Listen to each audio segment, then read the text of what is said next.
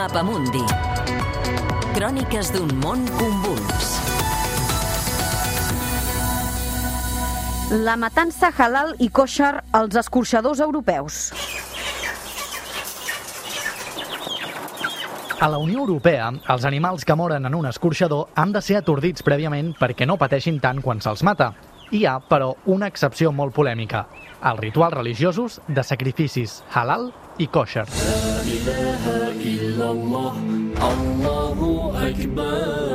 En la tradició musulmana, el matancer dona un cop sec al coll de l'animal i en secciona la jugular i la caròtida sense malmetre la medul·la espinal. Les vedelles, ovelles i gallines halal s'han de dessagnar completament i tan de pressa com es pugui. En la matança jueva, en canvi, la mort de l'animal es fa amb un tall profund i uniforme al coll.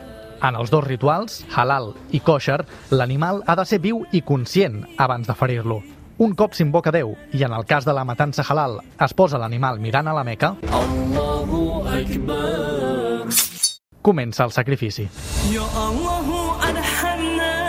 A Catalunya, tot i que els musulmans són el 7% de la població, la meitat dels xais i el 40% de les vedelles es maten amb el ritual halal, sense atordiment previ de l'animal, segons la Federació Catalana d'Indústries de la Carn. Ens explica el perquè el seu director tècnic, Ignasi Pons. perquè nosaltres som un país exportador. Nosaltres exportem Argèlia, el Líban, aquests països ens demanen el producte d'aquesta manera. És a dir, no tot el producte que sacrifiquem aquí a Espanya es queda a Espanya. Això es tenien a països tercers. L'altre és quan tu vens a França, per exemple. A França venem molt, on la població musulmana és molt, és molt gran. Als països nòrdics, però també a Bèlgica, Suïssa i Eslovènia, està prohibida la matança sense atordiment previ. En alguns països des de fa un segle i en altres en els darrers anys. En aquests països, la protecció dels animals, com a mínim en el moment precís de la seva mort, passa per sobre de la llibertat religiosa de les minories creients del país. Entitats animalistes i veterinàries celebren que sigui així perquè es minimitza el dolor dels animals. Cecília Kachtop és doctora en veterinària i membre de Protecció Animal Danesa. Molts treballs científics han descobert que els animals senten angoixa, dolor, confusió, i no només en el moment que els tallen el coll, sinó també quan els immobilitzen i els pengen abans de sacrificar-los sense atordiment. Sentir aquesta mena de dolor, sí, és horrible.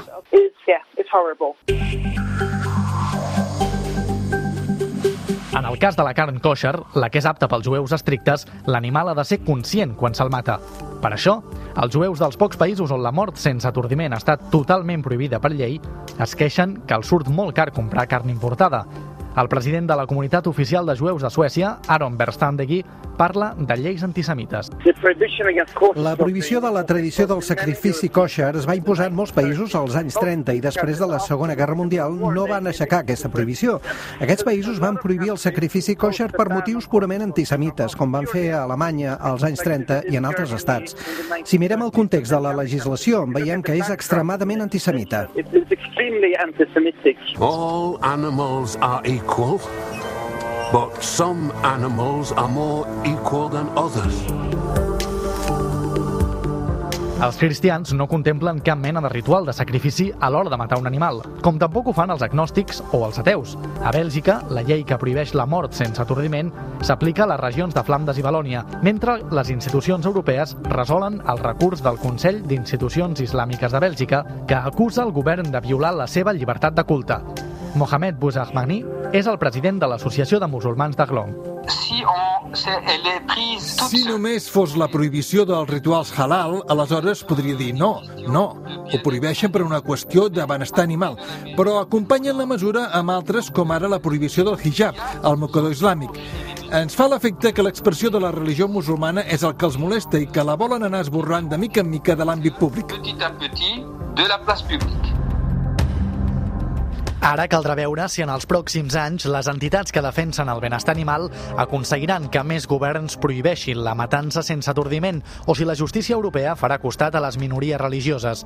Hi ha en joc les tradicions mil·lenàries de musulmans i jueus i la vida i la mort dels 7 milions d'animals que es maten cada dia als escorxadors de la Unió Europea.